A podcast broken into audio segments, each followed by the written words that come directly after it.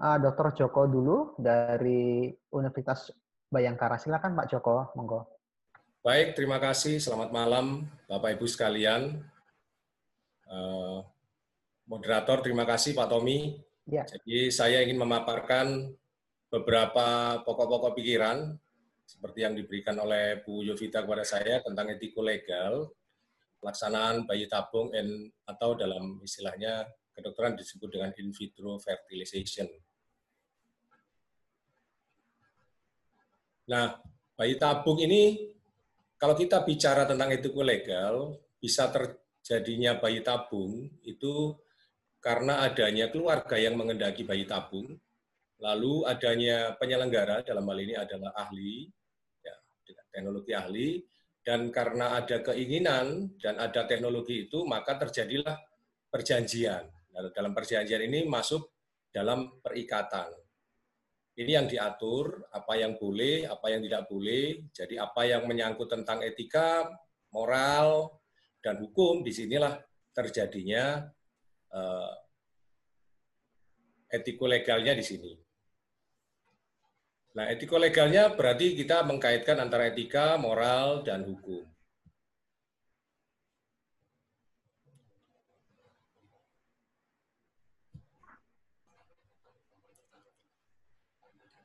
Nah, terjadinya bayi tabung memang merupakan satu kombinasi conception ya antara sperma, ovum dan rahim dan rahim sewa. Yang terdiri dari berasal dari sperma suami, dari ovum istri, sperma donor, ovum donor, rahim donor, dan rahim sewa. Jadi dari enam poin ini atau enam unsur ini lalu dikombinasi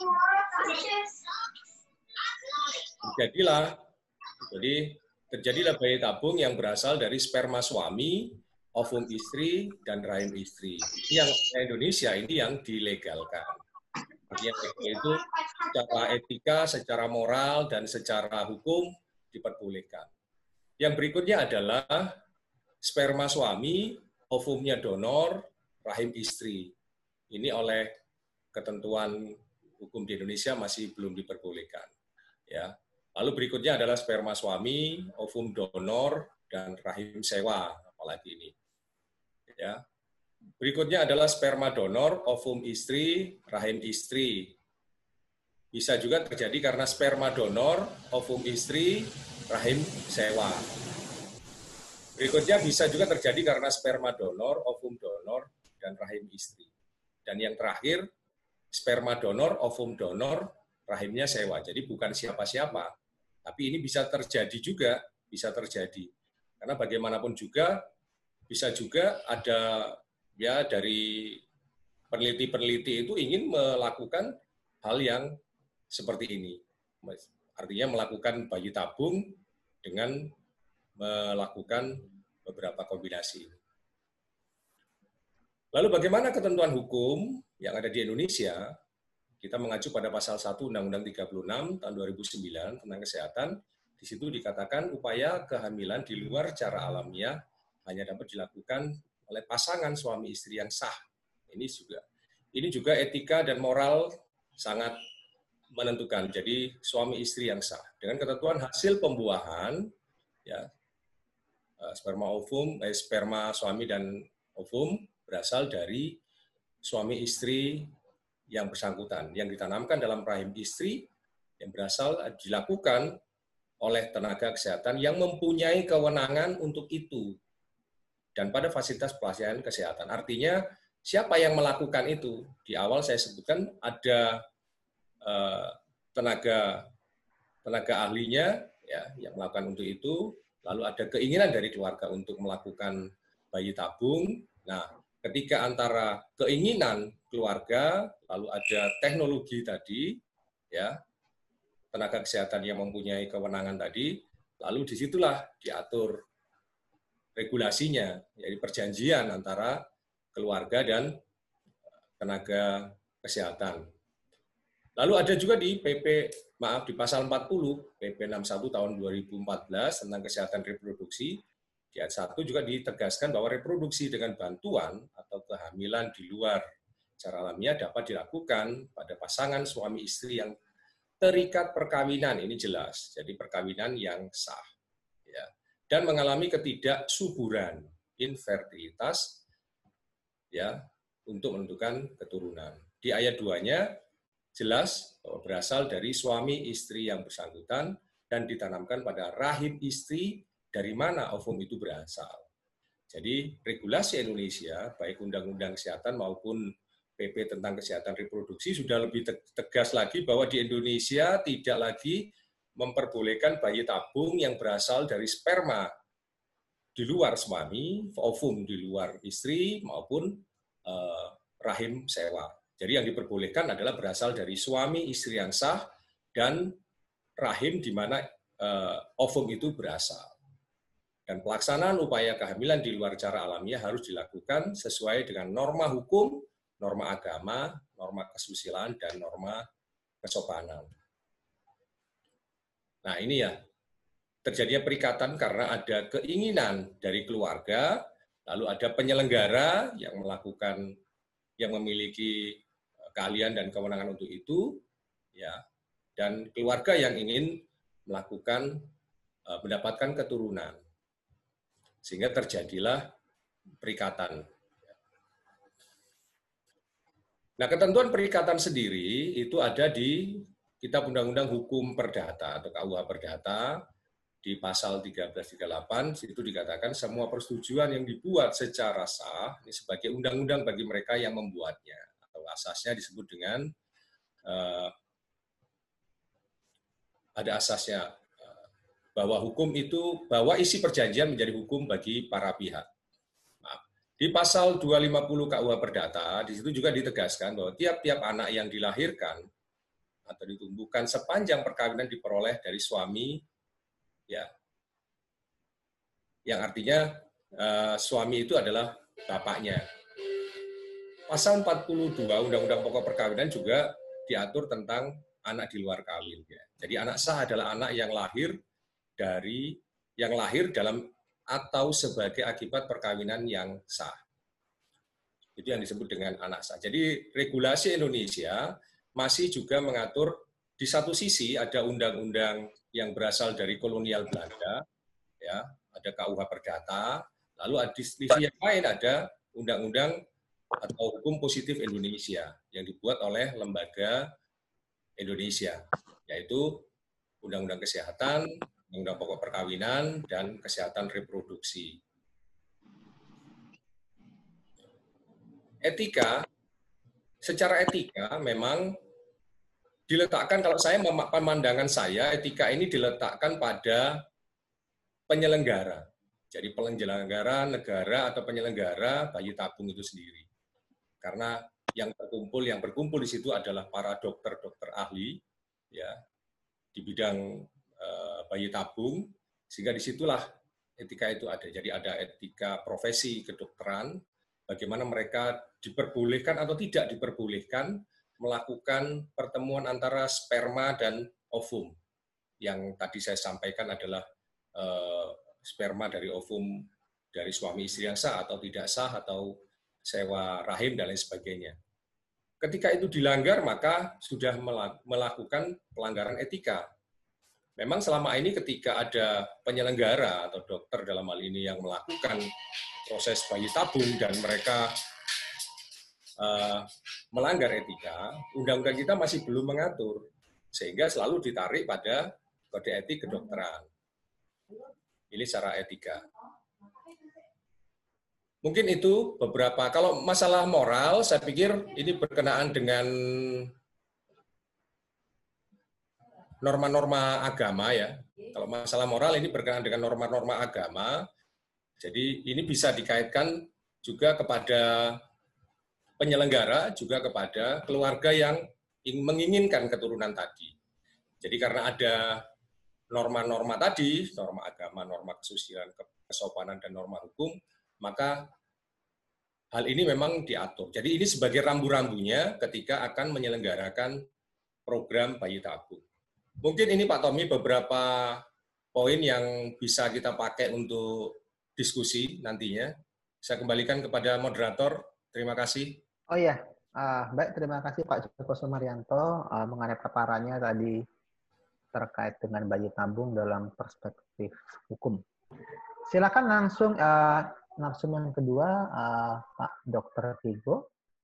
Boleh pakai PowerPoint, boleh langsung maksimal 7 menit, Pak. Silakan. Ya, terima kasih waktunya Pak Tommy. Ya, selamat malam, salam sehat untuk kita semua. Terima kasih Ibu Bapak tetap setia terhadap channel kami. Uh, semoga tidak membosankan dan kita akan selalu belajar bersama di tiap Rabu dan Jumat. Uh, sebelum memulai, tentu saya juga berterima kasih kembali kepada penyelenggara CV Cita Prasada, kemudian RAD Rosari, dan GY Legal Consultant and Legal Auditor. Ya, tadi sudah kita dengarkan dari Pak Joko ya banyak penjelasan terkait uh, apa ya hubungan uh, implikasi dari IVF uh, terhadap pada hukum. Implikasinya bisa dilihat uh, dari aspek perdata, kita lihat juga bisa, kemudian di pidananya bahwa tidak ada bu, uh, bukan di KUHP-nya tetapi langsung khusus kepada lex spesialis yaitu ada di Undang-Undang Kesehatan, kemudian Undang-Undang uh, per PP tentang kesehatan reproduksi. Ya, sedikit saya ulang kembali tentang IVF, yang mana kalau kita lihat dari maknanya, in vitro itu diartikan dalam gelas. Dalam gelas atau disebutnya cawan Petri. In vitro itu berbeda dengan in vivo. Kalau kita ngomongin tentang hubungan suami istri yang kemudian uh, mempunyai, uh, menghasilkan seorang persona yang baru, itu in vivo. Tetapi ketika di luar, itu in vitro juga ada yang menyampaikan bahwa itu menjadi prokreasi artifisial. Nah, di, tadi sudah dijelaskan sekilas di undang-undang itu dikatakan e, cara reproduksi di luar alamiah. Nah, ketika kita melihat bayi tabung, apakah bayi tabung itu kita sepakat dengan terminologi bahwa itu adalah cara-cara di luar alamiah. Mengingat yang alamiah itu adalah yang in vivo gitu. Nah, kalau kita lihat regulasi yang terkait, ada uh, saya tambahkan satu regulasi selain Undang-Undang Kesehatan Nomor 36 Tahun 2009 dan Kesehatan Reproduksi Peraturan Pemerintah Tahun uh, Nomor 61 Tahun 2014. Ada satu peraturan turunan lagi yaitu Peraturan Menteri Kesehatan Nomor 43 Tahun 2015 tentang penyelenggaraan pelayanan reproduksi dengan bantuan atau kehamilan di luar cara alamiah. Karena concern kita di sini adalah bagaimana membingkai uh, hukum positif itu tetap di dalam memasukkan nilai-nilai bioetika. Kita bicara tentang bioetika yang mungkin belum diulas lebih banyak di dua kuliah sebelum dua kuliah virtual sebelumnya. Bioetika itu digolongkan sebagai sebuah etika terapan. Kalau kita tarik lagi, yang sekilas tadi sudah dijelaskan oleh Pak Joko juga, etika, etikos atau akhlak, kemudian etika itu sebenarnya ada dua major ya. Ada etika deskriptif dan etika normatif. Yang mana di dalam etika deskriptif itu e, memberikan gambaran, tetapi dalam etika normatif itu memberikan norma yang standar. Menentukan standar moral itu ada di mana yang semestinya bicara etika juga itu bisa dibagi menjadi dua. Ada yang namanya etika dasar, kemudian etika khusus atau terapan. Nah, di mana bioetika letaknya? Bioetika itu ada di etika khusus atau etika terapan. Yang mana etika khusus itu juga dibagi menjadi dua. Ada etika individual dan etika sosial yang mana keduanya itu saling berkaitan. Kita sama-sama sepakat bersama bahwa di dalam kuliah ini kita menarik bioetika itu bioetika yang mana? Ketika kita bicara bioetika tentu akan banyak aliran yang berbicara, banyak model-model pemikiran EU, uh, bioetika. Ada yang mengatakan model bioetika sosiobiologis, evolusionis, subjektif, konsekuensialisme logis, pragmatis, prinsipalis. Nah, dalam hal ini kita sepakat bagaimana kita sama-sama menghargai yang utama adalah martabat manusia, yaitu setiap manusia memiliki nilai intrinsik. Kita bicara tentang nilai intrinsik, kapan dimulai? Kita sepakat bahwa seorang persona itu sudah dianggap menjadi manusia dan dia memiliki martabat yang melekat itu ketika sudah bertemunya sel ovum dan juga sperma. Ketika terjadi fertilisasi, di sanalah mulai kehidupan. Nah, yang menjadi permasalahan dalam IVF adalah spare embrio, yang mana di dalam proses IVF itu uh, si ibu nanti itu akan disuntikan HCG untuk uh, dipaksakan uh, mengeluarkan ovumnya tidak hanya satu. Jadi ada beberapa, kemudian diambil. Ketika telah diambil, uh, ditaruhkan di cawan petri itu tadi, ditaruhkan di cawan petri, ada diambil beberapa beberapa buah, kemudian uh, nanti ditemukan di, dengan sperma masing-masing ovumnya itu. Kemudian dilihat yang berkembang yang mana. Nah, ketika kita melihat seperti itu, tentu akan ada sisa. Yang mana sisa itu bisa jadi yang tidak yang baik, tidak yang baik atau sisanya juga yang ya inginnya hanya kehamilan dengan satu anak. Nah, maka itu akan jadi pertanyaan, bagaimana kita memberikan uh, apa nilai bioetika itu bisa masuk dalam bingkai hukum positif. Pada uh, PP 61 2014 tentang kesehatan reproduksi dijelaskan mengenai penyimpanan yang mana di pasal 43 ayat 2 dijelaskan penyimpanan kelebihan embrio itu dapat dipanjang setiap satu tahun. Nah, kemudian kalau kita lihat di peratur, per, peraturan Menteri Kesehatan yang tahun 2015 itu juga dikatakan bisa sampai ke dua tahun diperpanjang. Pemusnahan itu harus dilakukan ketika tidak lagi digunakan. Artinya tidak boleh digunakan jadi penelitian, tetapi juga tidak dibiarkan hidup, malah dimusnahkan. Nah, peraturan Menteri Kesehatan tidak mengatur tentang pemusnahan. Pemusnahan hanya sampai di peraturan pemerintah tahun uh, nomor 61 tahun 2014 tentang kesehatan reproduksi. Dalam hal ini kami menawarkan bahwa spare embrio itu secara tegas harus kita tolak, yang mana itu terjadi pemusnahan terhadap sisa-sisa embrio yang tidak digunakan dan itu adalah sebuah uh, pelanggaran terhadap hak dan martabat seorang manusia itu. Mungkin sekilas itu dulu Pak Tommy. Ya. Nanti bisa dibahas lebih banyak di diskusi ya. Oke.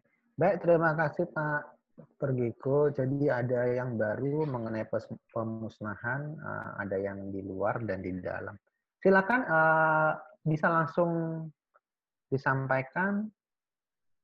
Uh, ini ada yang chat saya secara pribadi tidak tidak ingin disebut nama silakan bisa langsung uh, di chat kepada saya. Saya sambil membacakan ada satu pertanyaan ditujukan kepada Pak Joko.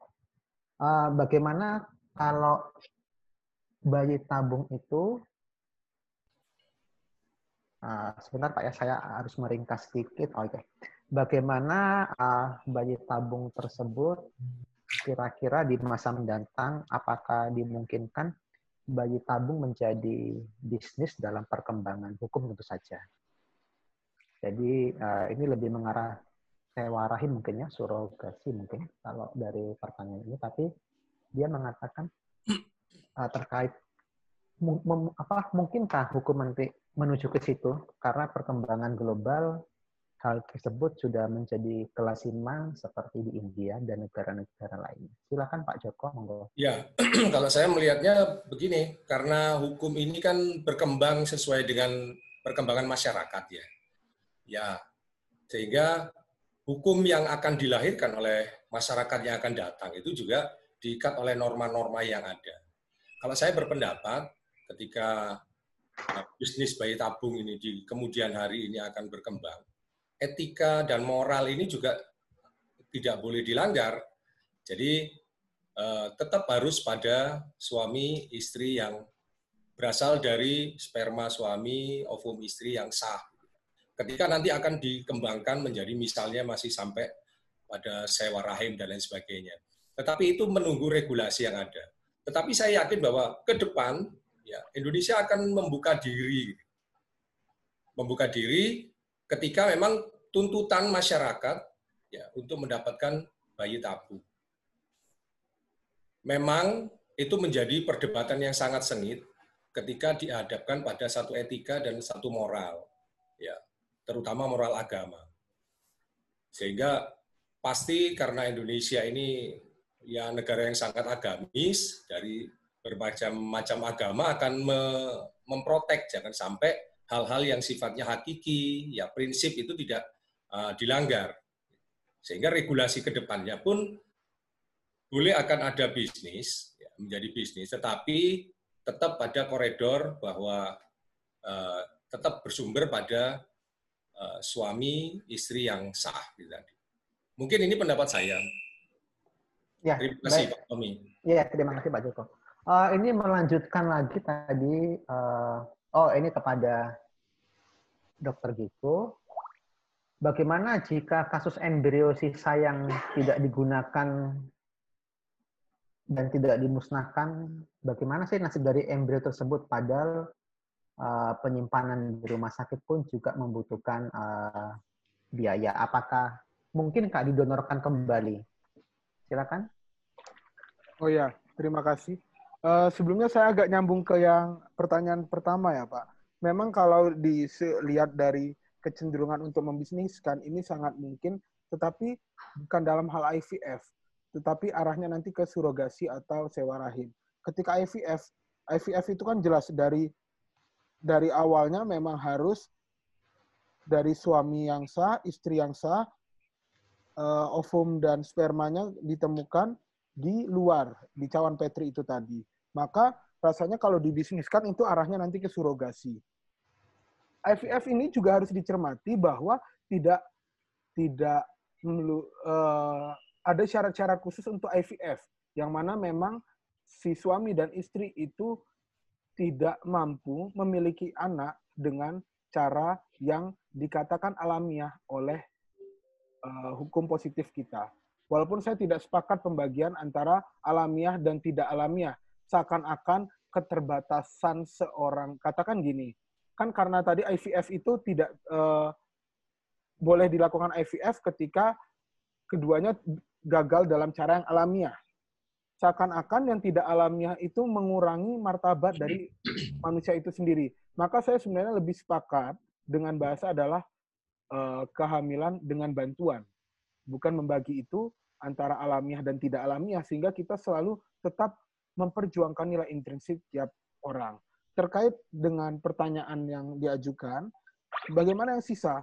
Nah, pertanyaannya tentang sisa itu kan itu adalah seorang persona yang juga harus kita lindungi. Kita sepakat seorang persona itu tadi kan mulai bertemunya ovum dan sperma kemudian terjadi fertilisasi, di sanalah kita harus mulai uh, menghargai kehidupan. Kenapa embrio uh, apa kenapa ovum itu dipaksakan dengan menggunakan suntik HCG itu tadi supaya dikeluarkan semakin banyak seorang ibu itu distimulasi supaya ovumnya banyak dan diambil itu menurut saya kecenderungannya adalah untuk efektivitas dan efisiensi supaya ovumnya tidak diambil ulang apa tidak tidak mengambil ovum dalam waktu yang panjang sehingga diambil dalam suatu waktu yang lebih singkat dan ada sisanya. Nah, dalam hal seperti itu, apakah kita akan mengedepankan efektivitas dan efisien? Hanya untuk dalam tanda kutip demi pemenuhan hasrat dari seorang suami dan istri yang yang bisa dikatakan tidak mampu melakukan prokreasi dengan cara yang alami tadi. Nah, maka saya memang tidak sepakat dengan adanya spare embrio sehingga mungkin lebih ketat dan lebih kaku karena penghargaan kita terhadap nilai hidup manusia, nilai intrinsik itu sudah ada sejak di embrio itu tadi, sejak terjadi fertilisasi, sehingga harapannya diambilnya mungkin dengan cara yang tidak efektif dan efisien, kita uh, mengurangi cara alamiah itu tadi, tetapi tidak memaksakan untuk terbentuknya banyak embrio, apalagi yang tersisa dan dimusnahkan. Mungkin itu.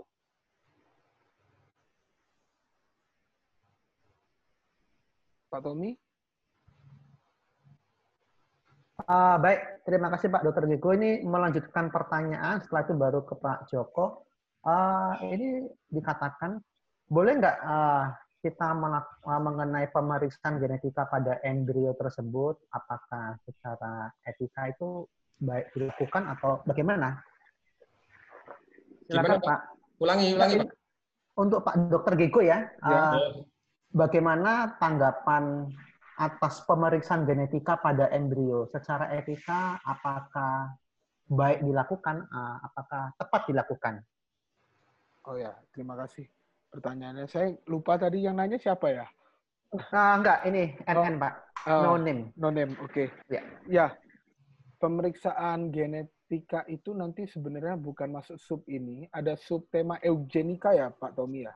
Oh, begitu. Ya, ya. ya sebenarnya masuk ke tema itu. Tapi kembali, IVF itu kita bicara tentang hakikatnya dulu. Hakikat IVF itu adalah cara opsional ketika tidak bisa uh, seorang suami dan istri memiliki anak dengan cara yang alamiah sehingga mem memerlukan reproduksi dengan bantuan. Hakikatnya seperti itu. Maka ketika terjadi di luar dari hakikatnya, maka itu sudah mencerminkan kita yang tidak menghargai nilai hidup manusia. Seperti itu, Pak. Oke. Baik, terima kasih Pak Dr. Joko. Kemudian ini melanjutkan pertanyaan untuk Pak Joko. Ya. Uh, tetap sama Pak, masih NN. Bagaimana Pak pandangan dari hukum? Uh, memang saat ini ada kalau mau melakukan bayi tabung, kita bisa memesan uh, jenis kelaminnya memang dengan biaya yang mahal, tetapi uh, yang tidak diperbolehkan itu yang uh, kembar sejenis. Misalnya perempuan semua nggak boleh tapi kalau beda-beda bisa. Ini dari pengalaman seseorang. Bagaimana pak tanggapannya dari perspektif hukumnya? Ya kalau saya melihat dari perspektif hukum ya memang hukum kita hukum pidana dan hukum perdata ini kan berasal dari Belanda berasal dari kolonial Belanda dan kita mengatur secara spesifik para uh, secara khusus di dalam Undang-Undang Kesehatan, Undang-Undang Kesehatan Reproduksi, dan ada di Permenkes 43 2015. Yang pada dasarnya adalah bahwa uh, pembuahan di luar alamiah uh, di luar alamiah tadi itu bisa dilakukan ya dengan menggunakan dengan persyaratan-persyaratan dengan eh, cara-cara yang sudah diatur tadi sehingga secara etika, secara moral, ini kita masih mengacu koridor kita pada regulasi yang ada di Indonesia tadi. Sehingga ketika mungkin di negara lain ada istilahnya uh, bank don, uh, bank sperma atau ada rahim sewa, ya Indonesia masih membungkusnya dalam regulasi bahwa yang diperbolehkan adalah berasal dari suami istri yang sah. Yang selama ini belum ada istilahnya rahim sewa. Ya.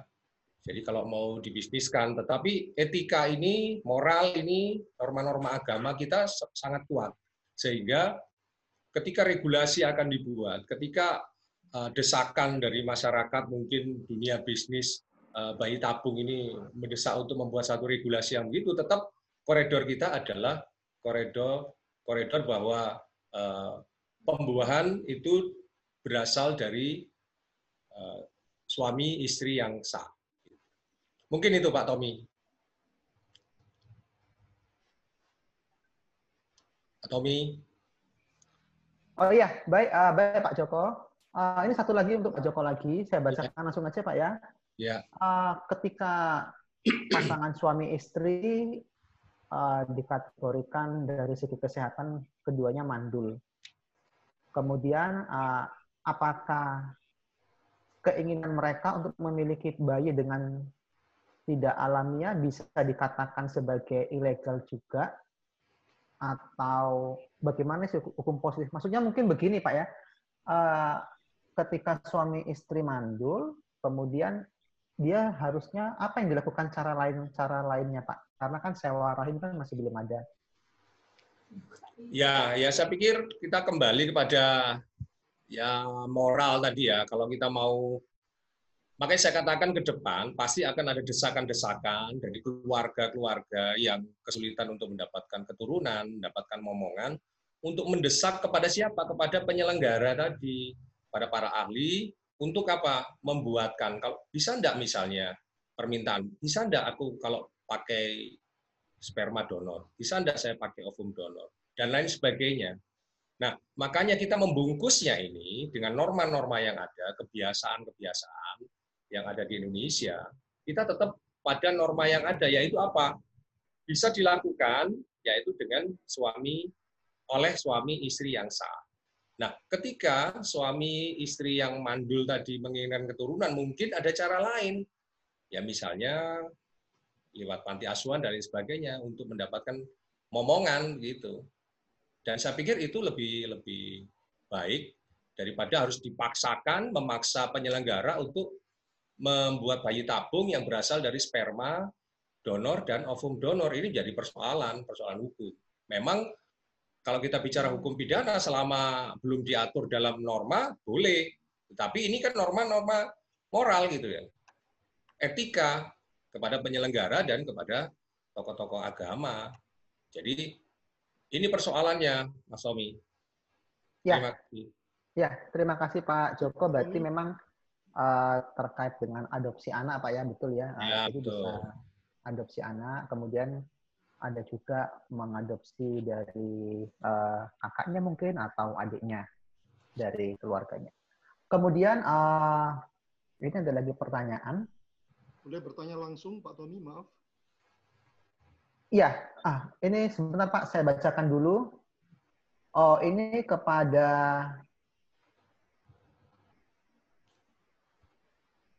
Oh, kepada Pak Joko lagi nih Pak. Ini ya. menurut saya lebih kepada sisi hukum nanti. Ya. Uh, bagaimana jika mengatasi surplus embrio yang ada sekarang di Indonesia? Karena tadi uh, solusi narasumber adalah untuk ke depannya pandangan bioetika tentang donor embrio ke pasangan sah. Jadi maksudnya lebih ditawarkan kepada pasangan sah. Bagaimana jika uh, bukan pasangan sah misalnya begitu, mengatasi surplus embrio, Pak? Ya, saya pikir ini uh, etika moralnya kan di situ, Pak Tommy ya. Jadi ya. Bapak Ibu sekalian, sehingga uh, kalau tidak berasal dari pasangan yang sah. Ini akan menjadi satu persoalan hukum gitu ya. Memang kalau kita mengacu pada Undang-Undang Kesehatan, Undang-Undang PP eh, tentang Kesehatan Reproduksi, juga Permenkes 2015, memang tidak mengatur aspek pidananya gitu ya. Tetapi ada etika-etika yang tidak boleh dilanggar ketika uh, memang uh, ada istilahnya embrio yang surplus ya. Tetapi itu kan tidak untuk diberikan kepada pasangan-pasangan yang yang tidak sah. Gitu ya. Nanti kalau itu dilanggar dan menjadi satu kebiasaan, nah akhirnya mengatakan itu boleh, kan di sana boleh, kan kemarin boleh, gitu. Akan jadi persoalan-persoalan yang yang sangat krusial di kemudian hari. Sehingga koridor kita adalah ya boleh dilakukan selama itu pasangan yang sah. Demikian. Baik, uh, ya, terima kasih Pak Joko. Jadi tetap uh, terkait dengan pasangan yang sah. Uh, silakan Pak Dr. Geko dari sudut pandang kedokteran, kira-kira bagaimana tanggapannya? Ya, mungkin saya nggak bisa kedokteran murni ya Pak, karena dalam bahasan ini juga yang utama adalah aspek bioetikanya, bagaimana aspek bioetika itu kita bingkai ke dalam hukum positif. Hukum positif tidak boleh e, mengatakan bahwa tidak boleh adanya pemilihan jenis kelamin. Murni IVF itu adalah untuk e, kehamilan di luar e, cara alamiah tadi yang saya lebih sepakat dengan dibahasakan reproduksi dengan bantuan. Nah, itu tidak bicara tentang yang tadi pemilihan jenis kelamin. Kemudian tentang surplus embrio atau bahasa kedokterannya spare embrio. Saya dari awal memang tidak sepakat dengan adanya spare embrio karena spare embrio itu kan muncul sebenarnya karena si istri, si cewek itu diberikan suntikan untuk menstimulasi ovumnya keluar semakin banyak dan itu dikumpulkan di luar dan kemudian diberikan sperma satu-satu. Nah, dilihat yang yang baik yang mana itu yang dimasukkan. Nah, saya tidak sepakat dengan hal itu karena kita artinya tidak menghargai nilai intrinsik hidup manusia. Dan dari sisi kedokteran, sumpah dokter itu menyatakan bahwa kita menghargai kehidupan sejak pembuahan bahkan ada ditegaskan juga di dalam kode etik. Di kode etik juga ditegaskan kode etik kedokteran Indonesia itu yang terbaru tahun 2012 itu dijelaskan dengan lebih terperinci. Sehingga ada permasalahan nih antara sumpah dokter, kode etik kedokteran, dan juga hukum. Nah, ketika kita membicarakan tentang kebaruan dan ingin bioetika ini dimasukkan di dalam bingkai hukum positif, maka itu yang utama. Dan saya eh, merasa tawaran saya yang terbaik adalah tidak membiarkan yang namanya efektif dan efisien itu diutamakan. Tetapi kita bisa tekniknya mungkin akan menjadi lebih lama. Orang akan tidak puas dengan adanya IVF dicoba satu-satu nih. Ovumnya diambil. Kemudian dikeluarin satu, dicoba masukin sperma, cari yang spermanya yang paling bagus. Katakan seperti itu. Kan kalau kita bicara tentang sperma yang paling bagus, kita tidak bicara tentang itu sebuah persona. Karena dia belum menjadi persona ketika belum terjadi proses uh, fertilisasi. Nah, maka itu boleh saja.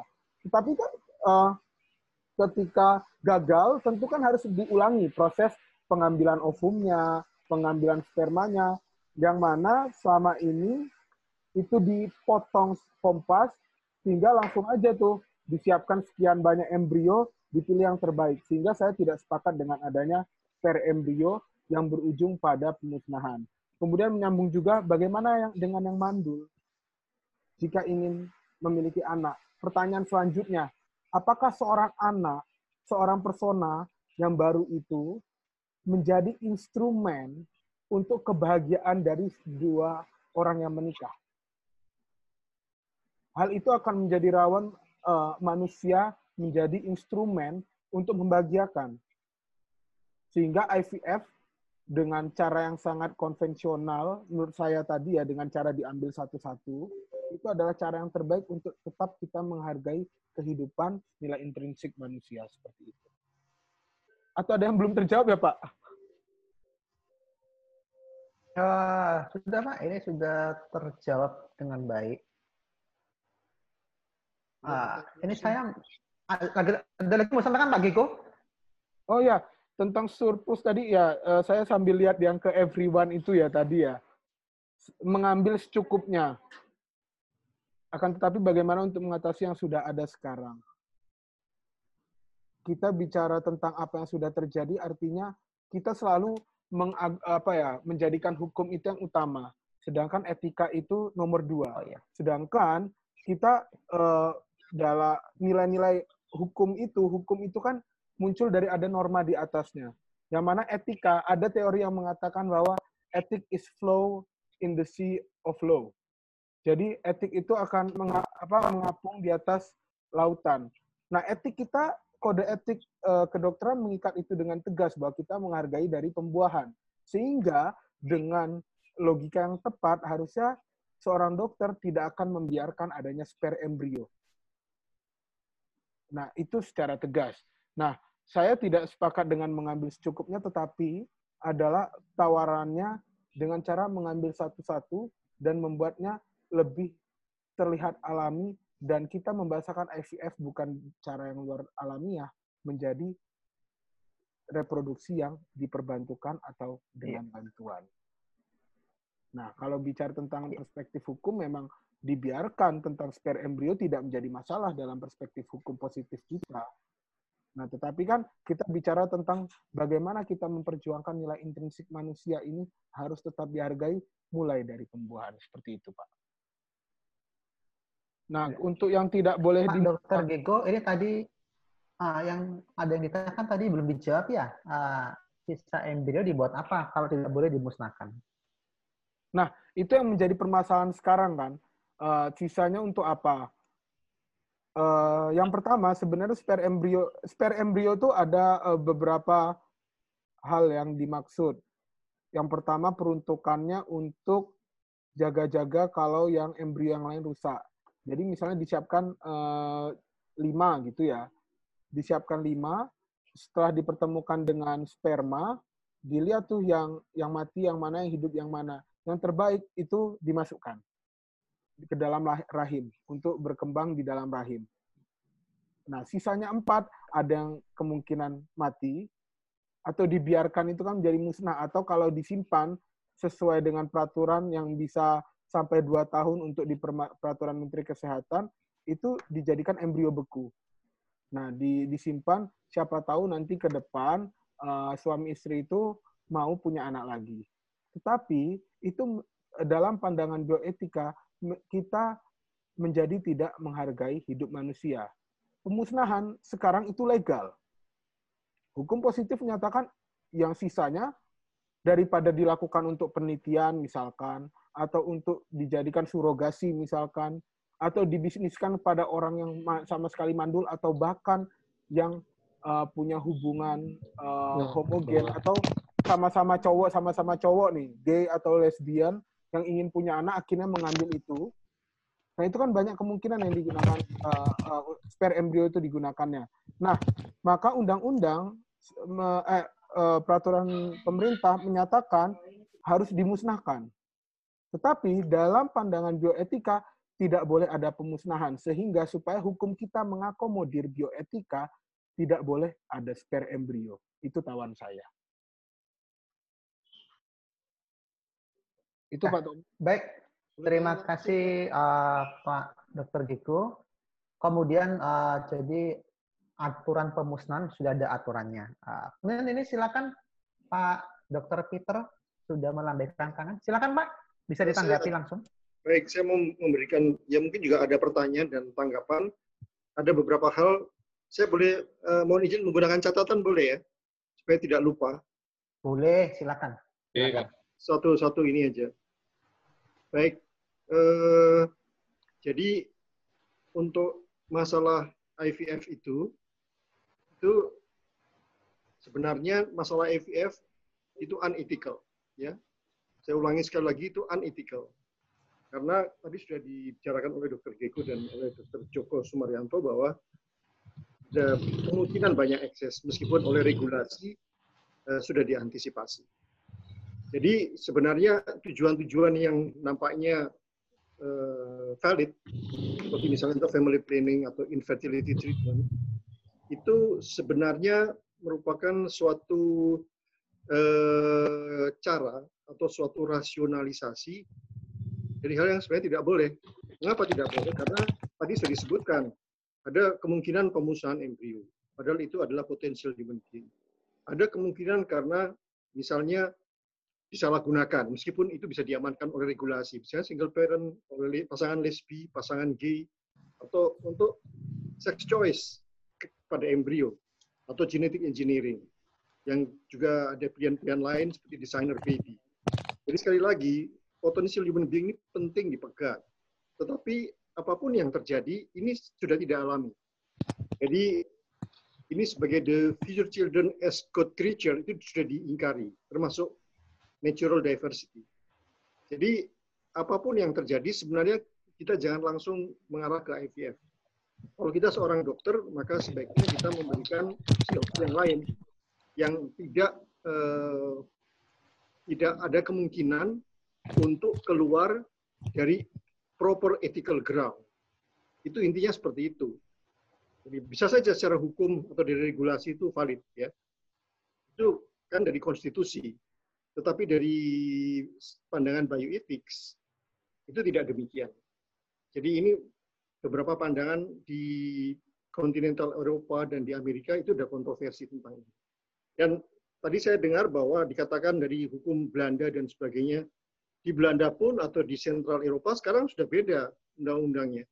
Jadi apa yang kita turunkan dari sana, derivat hukum-hukum kita dari zaman Belanda, itu sudah tidak ada. Di Belanda sudah tidak pakai hukum itu. Karena pada waktu saya studi di uh, eh, S3 di bioethics di Leuven itu mereka sudah tidak pakai lagi hukum-hukum itu. Jadi kalau kita mengatakan misalnya KUHP kita beberapa dari turunan dari sana, zaman dulu, sekarang pun di sana sudah tidak memakainya. Itu beberapa catatan dari saya. Demikian, terima kasih. Ya, terima kasih Pak Dr. Peter. Jadi ada perbandingan mengenai uh, pengaturan di Belanda ataupun di Indonesia saat ini. Uh, silakan ini satu lagi Pak Dr. Giko, ya. satu pertanyaan Pak Dr. Giko, nanti satu pertanyaan ke Pak Joko. Ya. Uh, Pak Dr. Giko ini uh, kalau dari ini dari Dewi, kalau disimpan embrio tersebut tidak boleh, cara yang aman untuk itu bagaimana? Pak, ya. untuk sisa embrio tersebut? Karena ada dua pilihan untuk sisa embrio. Bagaimana, Mungkin Pak? bukan aman atau tidak aman, tetapi ethical atau unethical, atau pelanggaran hukum atau uh, tidak melawan hukum. Nah, mungkin uh, lebih tepat seperti itu ya kalau saya nangkepnya. Sisa embrio itu secara hukum positif kita sekarang itu boleh disimpan untuk selama dua tahun. Itu disebutkan di Permenkes selama dua tahun untuk uh, suami dan istri itu ketika mau punya anak lagi.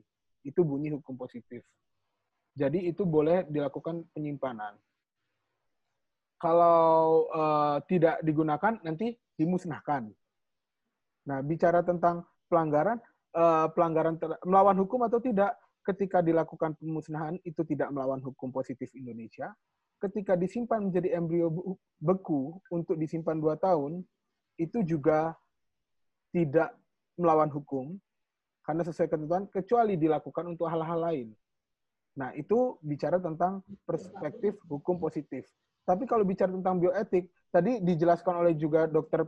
Peter, bahkan Dr. Peter jauh lebih ketat mengatakan bahwa IVF itu unethical karena kita uh, ketika dihubungkan dengan plan of God, uh, kehadiran Tuhan tidak lagi uh, menjadi yang utama. Tapi kalau dari sisi saya memang ada sedikit kelonggaran dalam artian itu kita bicara tentang IVF adalah reproduksi dengan bantuan jika itu adalah satu-satunya cara yang terakhir. Bahkan itu pun debatable karena kita bisa kembalikan bahwa ketika uh, teknologi itu dila, uh, teknologi yang semakin mutakhir itu bisa melakukan apa ya?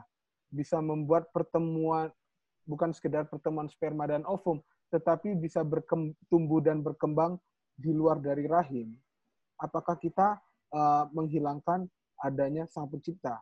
Nah, maka kalau saya melihat hal ini, uh, mengapa saya mengatakan itu masih bisa? Bioetik itu tadi dilihat dari tujuannya juga, dan juga selain tujuan, kausalitas. Latar belakang uh, mengapa perlu IVF itu juga perlu diperhatikan. Nah, sehingga pandangan-pandangan ini bisa kita didiskusikan bersama juga ya. Kalau kita bicara etika juga tentu banyak aliran yang mengatakan contoh kalau kita, eh, kita berpegang pada etika utilitarian, maka spare embrio akan dibiarkan, tidak menjadi masalah. Bahkan surogasi tidak menjadi masalah. Tetapi kita sepakat bersama, satu-satunya yang kita utamakan dalam hal ini adalah nilai hidup manusia yang mana dimulai dari nilai intrinsik kita menghargai kalau bahasa dokter Peter tadi saya boleh pinjam adalah human being. Nah, bagaimana potensial human being itu kita hargai. Nah, seperti itu Pak kalau dari saya. Ya, baik. Terima kasih Pak Dokter Giko. Ini terakhir uh, sekaligus pertanyaan penutup untuk Pak Joko. Ya. Ini ada yang menanyakan Pak. Ya. Uh, menurut Pak Joko untuk menghadapi masalah bayi tabung ini, uh, yang tepat kita membuat undang-undang baru khusus bayi tabung atau kita melakukan revisi undang-undang perkawinan, undang-undang kedokteran, undang-undang kesehatan atau atau bagaimana Pak uh, sebagai jalan keluar ini? Ya, saya pikir regulasi yang ada ini sudah cukup memadai ya jadi adanya undang-undang kesehatan, ada undang-undang kesehatan reproduksi, lalu ada Permenkes tentang uh, bayi tabung. Ini saya pikir sudah mengatur itu. Hanya persoalannya ketika ada keinginan untuk mengembangkan, ya itu harus dilihat uh, apa eh, norma-norma yang ada yang hidup dalam masyarakat itu. Karena kalau kita bicara peraturan menteri itu dibuat oleh menteri menteri kesehatan maka dibuat oleh kompartemen Menteri Kesehatan bagaimana pelaksanaan termasuk syarat-syaratnya, syarat secara administrasi dan lain sebagainya sampai pada terjadinya bayi tabung dan lain sebagainya itu diatur gitu. Tetapi ketika akan dibuat undang-undang, ya kita tahu bahwa undang-undang ini dibuat oleh satu lembaga legislatif ya yang kita tahu bahwa mereka tidak memiliki kemampuan untuk mengetahui itu sehingga saya takutnya ketika nanti dibuat undang-undang dan dijadikan payung hukum ini akan menjadi ya tadi yang dikhawatirkan tadi akan menjadi dikomersialisasi eh, bayi tabung ini. Ini jadi satu persoalan.